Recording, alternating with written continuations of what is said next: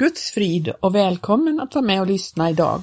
Jag heter Gertrud Johansson och kommer att fortsätta idag att läsa ur boken Ett spännande liv av Rolf och Lina Wiström. Kapitel 15 Finlands bank gör undantag. Gud har en plan för varje människas liv. Man kommer inte in i den planen utan genom överlåtelse och lydnad. Då jag var färdig med min utbildning till lektor i Norge och hade börjat att undervisa i läroverket var jag mycket lycklig. Jag hade nått mitt mål och min framtidsbana var tydligt utstakad. Jag älskade mitt yrke och hade ingen tanke på att någonsin lämna det. Men Gud hade en annan plan med mitt liv än att lära ungdomar tyska, franska och latin. Gud kallade mig ut med det evangelium som löser människorna och lär dem konsten att leva det lyckliga liv som vi alla är kallade till. Det svåraste för mig var att lämna den ekonomiska säkerheten. Det enda jag begärde av Gud när jag reste ut var att han skulle ta hand om ekonomin. Jag fick också den förvissningen att han ville göra det. Då beslöt jag mig för att lyda och gå ända tills det eventuellt skulle visa sig att Gud inte höll sitt löfte.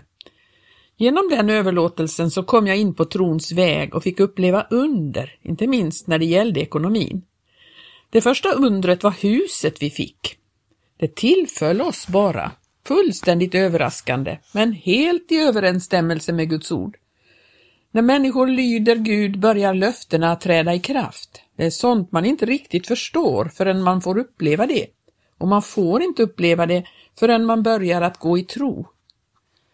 Några månader senare ringde en rik affärsman till mig och frågade om jag ville åka med honom till en annan stad och vittna i ett tältmöte. Jag blev glad över att Gud öppnade vägen. Det var första gången jag skulle delta i ett tältmöte. Men jag hade ett litet bekymmer. Jag hade åkt med den affärsmannen förr och suttit med hjärtat i halsgropen när han satte upp farten det hjälpte inte att han sjöng frälsningssånger. Jag var rädd, särskilt när han släppte ratten och slog ihop händerna och ropade sitt saliga halleluja. Jag gick till den avtalade mötesplatsen vid en bilverkstad och suckade käre Gud om det är möjligt så mana honom att köra sakta idag.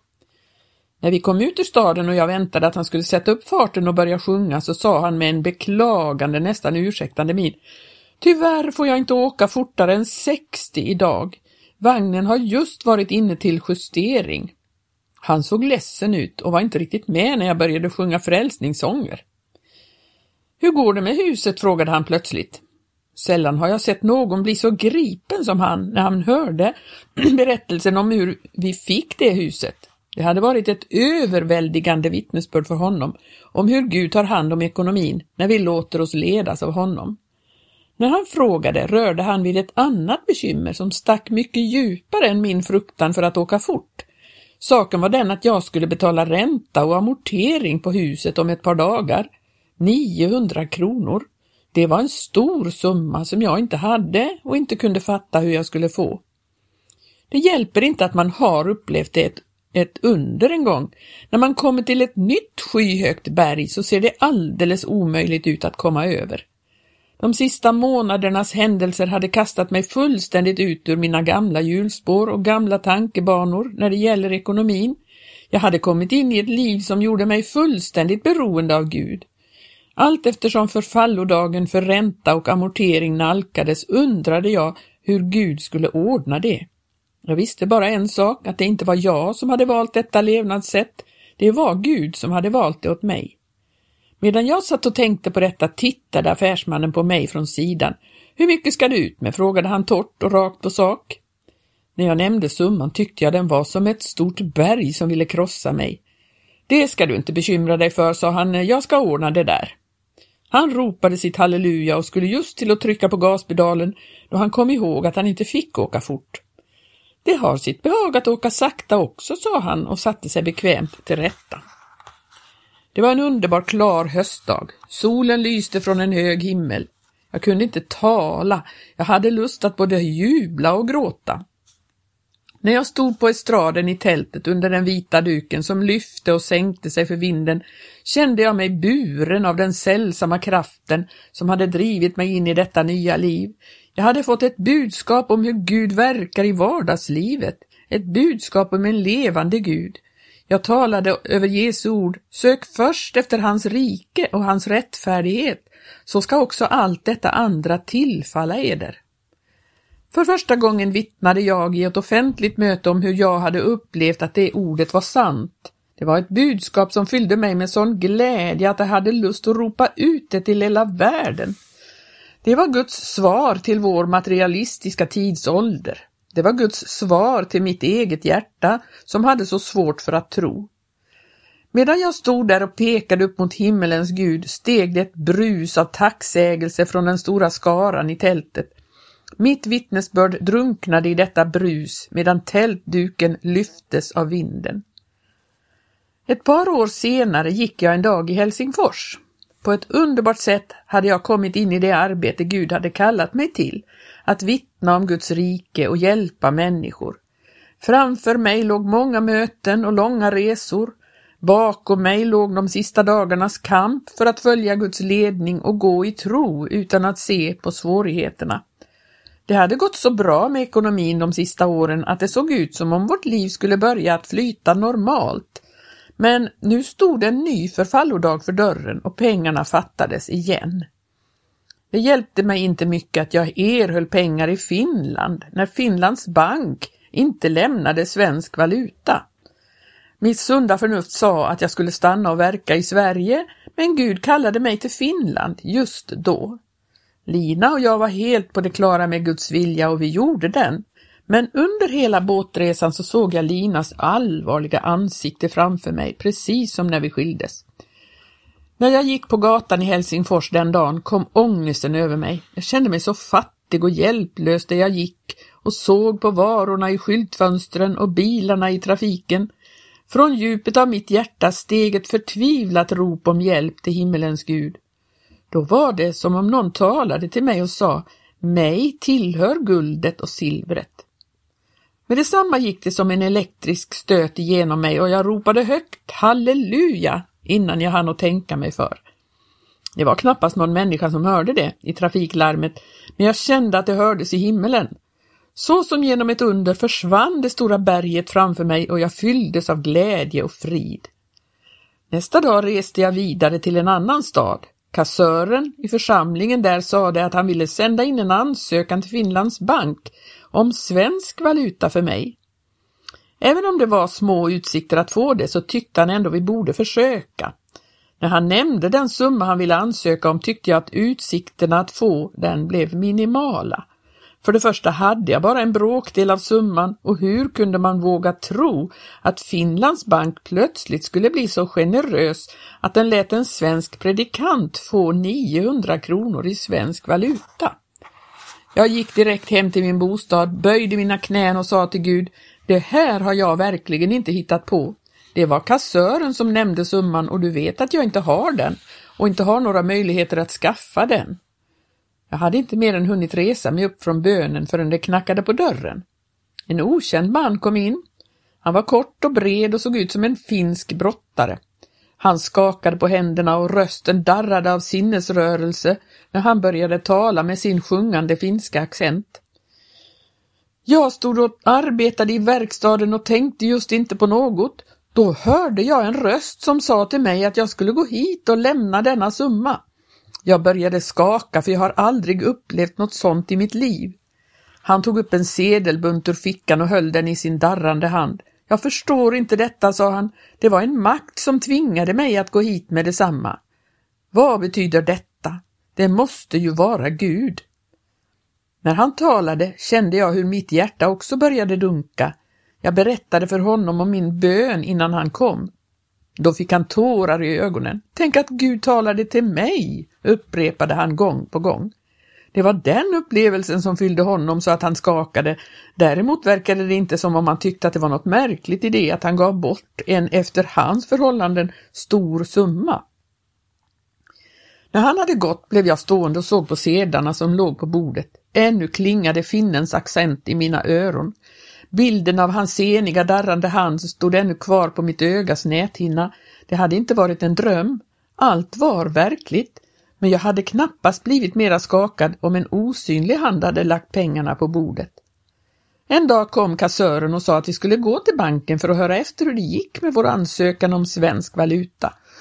Under veckans lopp hade jag emellertid fått hela den summa det var frågan om.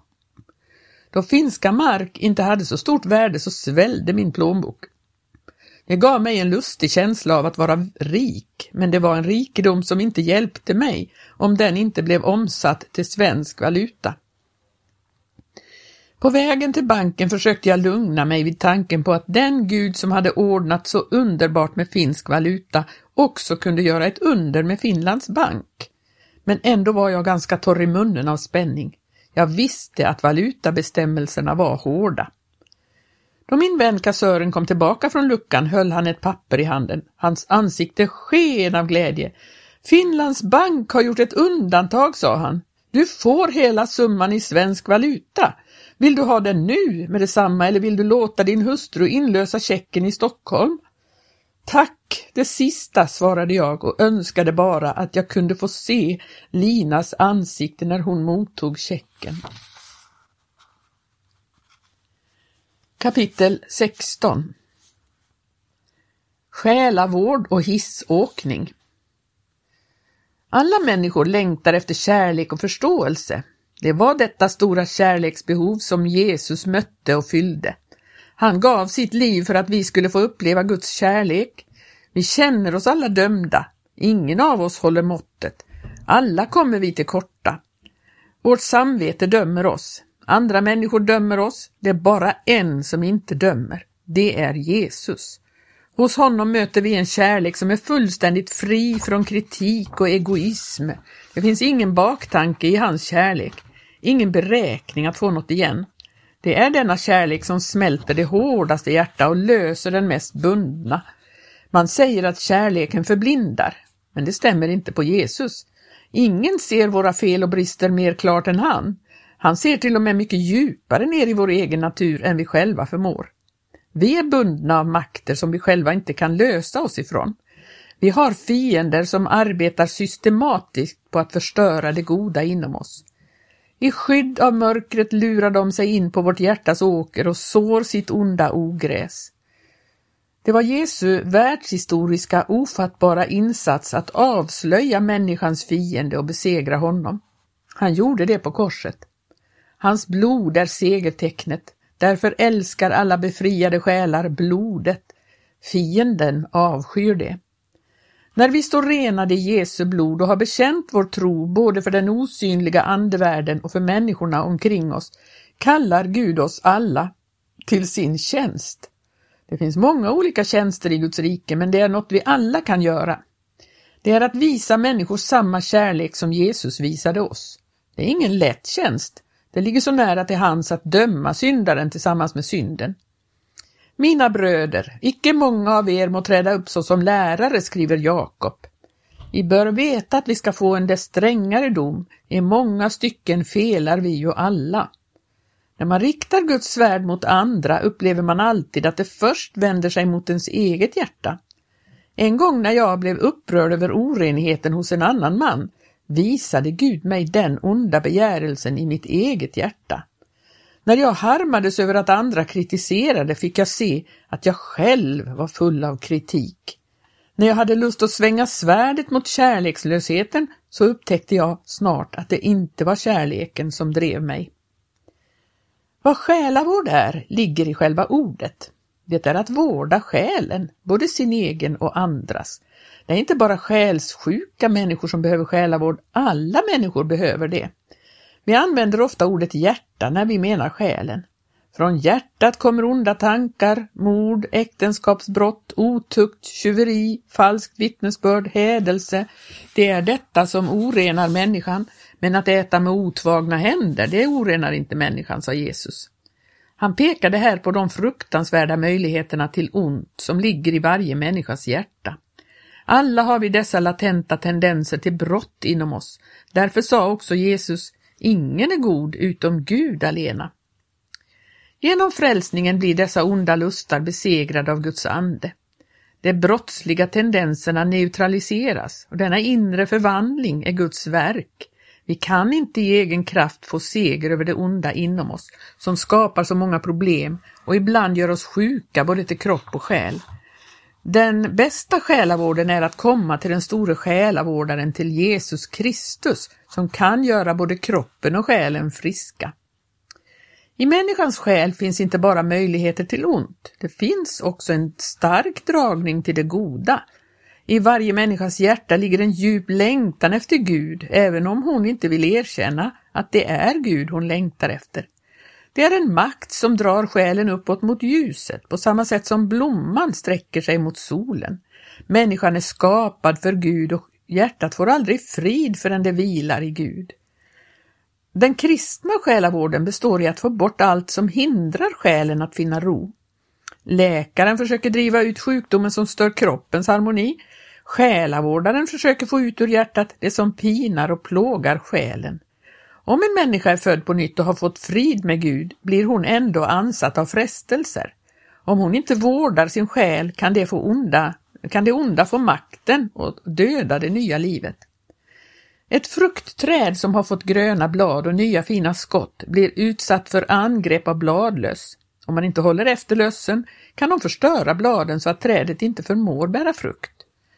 Själavårdaren har mycket gemensamt med en trädgårdsmästare. Denne sprutar sina kära träd med dödande insektsvätska. Själavårdarens effektiva medel i kampen mot frestelserna är Guds ord och kraften i Jesu försoningsblod. Men trädgårdsmästaren har också sax och kniv. Han skär av vildskotten. Det kan också komma vildskott i människans själ. Från de dolda cellerna som har i sig lusten till det onda kan plötsligt långa skott skjuta upp. Om de inte blir avlägsnade så kommer de att kräva de kväva de fruktbärande grenarna. Det mesta av det vi kallar själavård sker på tu man hand inför Guds heliga ansikte. Denna själavård sker i samtalsform. Bara det att få tala ut är en stor hjälp. Det behöver inte vara så stora problem det är frågan om. De flesta människor är inte brottslingar som är rädda för att bli upptäckta och dömda men ändå har man inte lust att andra ska veta hur man är och vad man tänker på. En själ är så finkänslig, därför måste man ha varsamma händer när man rör vid den. Svårigheten för många ligger inte minst i att de inte förstår sig själva. Under samtal och bön faller det ljus över problemet.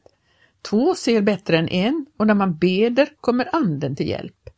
Utan kärlek kan man inte hjälpa människor en bunden själ är rädd för att utlämna sin hemlighet.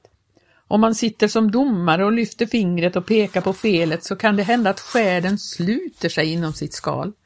Kärleken ser med förståelsens milda ögon på fel och brister utan att döma, utan att skratta, utan att bli chockerad inför den fruktansvärdaste bekännelse. Guds kärlek är utgjuten genom den helige Ande som är sanningens och uppenbarelsens ande.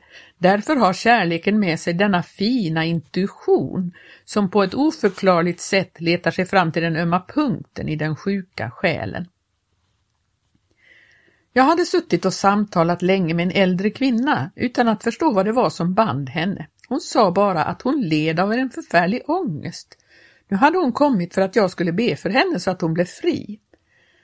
Jag visste hur nödvändigt det är att få en kontaktpunkt innan man beder och jag hade inte hittat nyckeln till den stängda dörren. Därför så försökte jag få henne att berätta om sig själv, men hon hade inte mycket att säga. Hon satt bara och var stängd och rädd. Till slut blev hon otålig också. Jag har kommit för att få förbön, sa hon nästan tillrättavisande för att jag skulle förstå vad det var frågan om. Men jag kände på mig att hon skulle gå ut lika bunden som hon hade kommit in om hon inte öppnade sig för Guds kraft. Mina böner skulle studsa tillbaks mot pansaret som omgav hennes själ. Då kom plötsligt en tanke till mig. Jag tyckte den var så lustig att jag började skratta. Min hustru var rädd för kor, sa jag. Kvinnan fäste äntligen sina irrande ögon på mig och granskade mig noga och det började rycka i hennes mun. Hon kunde inte låta bli att skratta. Jag är rädd för hissar, ja, sa hon. Vi skrattade båda. Äntligen hade vi fått kontakt. Och nu ska vi be till Gud, sa jag, men först måste ni lova att göra precis som jag säger. Det kan jag väl lova om det inte är alltför svårt, sa hon undrande. Inte alls, sa jag. Vi ska bara gå ut i hissen och bedja. Hon såg ut som om hon inte hade hört rätt. Nej, nu skämtar ni, sa hon. Skulle inte Gud höra oss lika bra här inne som där ute i hissen? Ni lovade att göra vad jag sa om det inte var för svårt. Ja, men det är ju så barnsligt. Och vad ska folk tänka? Om någon får veta det så kommer de att skratta. Jag lovar att ingen ska få veta det om ni inte själv säger det. Hon skakade på huvudet och skrattade och reste sig och följde med ut till hissen. Vi var i fjärde våningen. Jag öppnade hissdörren och bad henne artigt stiga in. Och nej, mig lurar ni inte, sa hon och drog sig tillbaks, som hon trodde att jag skulle knuffa in henne och stänga dörren. Då steg jag in först och försäkrade henne att jag inte skulle lura henne. Hon kom efter och vi stängde dörren. Så knäppte vi händerna och började bedja. Jag bad en kort bön och så började hon. Efter några ord blev hon fylld av Guds ande. Hon glömde fullständigt bort var hon var. Jag tryckte försiktigt på knappen. Hissen gick ner. Hon märkte det inte. Hon stod inför Guds tron och tackade Jesus och tårarna rann. Jag tryckte åter på knappen. Hissen gick upp. Hon fortsatte att tacka och jag såg att några stod och väntade utanför men jag kände att kvinnan inte hade bett färdigt än så vi åkte ner och upp en, en gång till. Och då tog hon bort händerna från sin, sitt ansikte och vi gick ut. Jag har åkt hiss, sa hon alldeles överväldigad. Bara tanken på det fick mig att skaka. Jag skulle aldrig mer i mitt liv ha gått in i en hiss. Jag trodde jag skulle dö av rädsla om jag gjorde det. Och nu har jag gjort det och nu är jag löst. Några dagar senare såg jag henne stiga ut ur hissen ensam. Hon var fri och glad. Det var naturligtvis inte hissåkningen i sig i och för sig som löste henne från den gastkramande ångesten som hade förstört hennes liv de senaste åren. Det var Guds kraft som gjorde det undret då det blev en öppning i hennes hjärta så att den fick komma in. En kväll kom hon fram i ett möte och la fram sitt tacksägelseämne. Nu får ni skratta så mycket ni vill, sa hon, men jag har åkt hiss och jag bad till Gud i hissen och Gud hörde bön och befriade mig. Visst skrattade folk som man gör när man gläder sig över att olyckliga människor blir lösta och glada. Ibland har människor blivit bundna av så små saker så det verkar komiskt, men för den människan det gäller är det dödsens allvar. För många år sedan hade jag möten i en stad i Finland. Jag hade just gått ut på gatan då Guds ande manade mig att vända om och gå hem igen. Och när jag kom in öppnade en gammal kvinna som bodde i samma hus sin dörr och bjöd mig in på en kopp kaffe. Jag förstod att det var något annat hon ville än att bara bjuda på kaffe, då hon verkade spänd. Hon var annars tystlåten och inåtvänd. Till slut började hon tala. Dag efter dag har jag tänkt att öppna mitt hjärta och tala ut med pastorn, men jag har inte haft mod. När jag hörde pastorn gå ut idag så bad jag till Gud, om du sänder honom tillbaka nu med detsamma så ska jag tala ut. Nu eller aldrig. Ett helt liv har, gått här som, har jag gått här som ett, med hänglås för munnen. Aldrig har jag kunnat bedja högt i ett möte. När jag ville det så stod min synd framför mig och jag teg. Jag såg på det tunna håret på den gamla gässan. Fingrarna plockade nervöst i förklädet medan hon talade. Som ung flicka fick jag tjänst hos en familj. Jag var troende och de var snälla mot mig. Det var min första tjänst. En dag hade frun köpt tandborstar till barnen. Det blev en över och den tog jag. Det var första gången i mitt liv som jag stal. Den var så grann och jag föll för frestelsen. Jag var ju också så fattig. Jag kände att jag skulle tala om detta för frun men jag hade inte mod. Sen flyttade jag och visste inte vart den familjen tog vägen. Men den där tandborsten satt kvar i mitt samvete. Den stämplade mig som tjuv och jag skämdes och plågades och kände att jag skulle tala ut med någon. Men ju längre jag dröjde desto svårare blev det. Det var väl den där prestigen som hindrade mig. Jag ville inte att någon skulle få veta att jag hade stulit, om det så bara var en tandborste.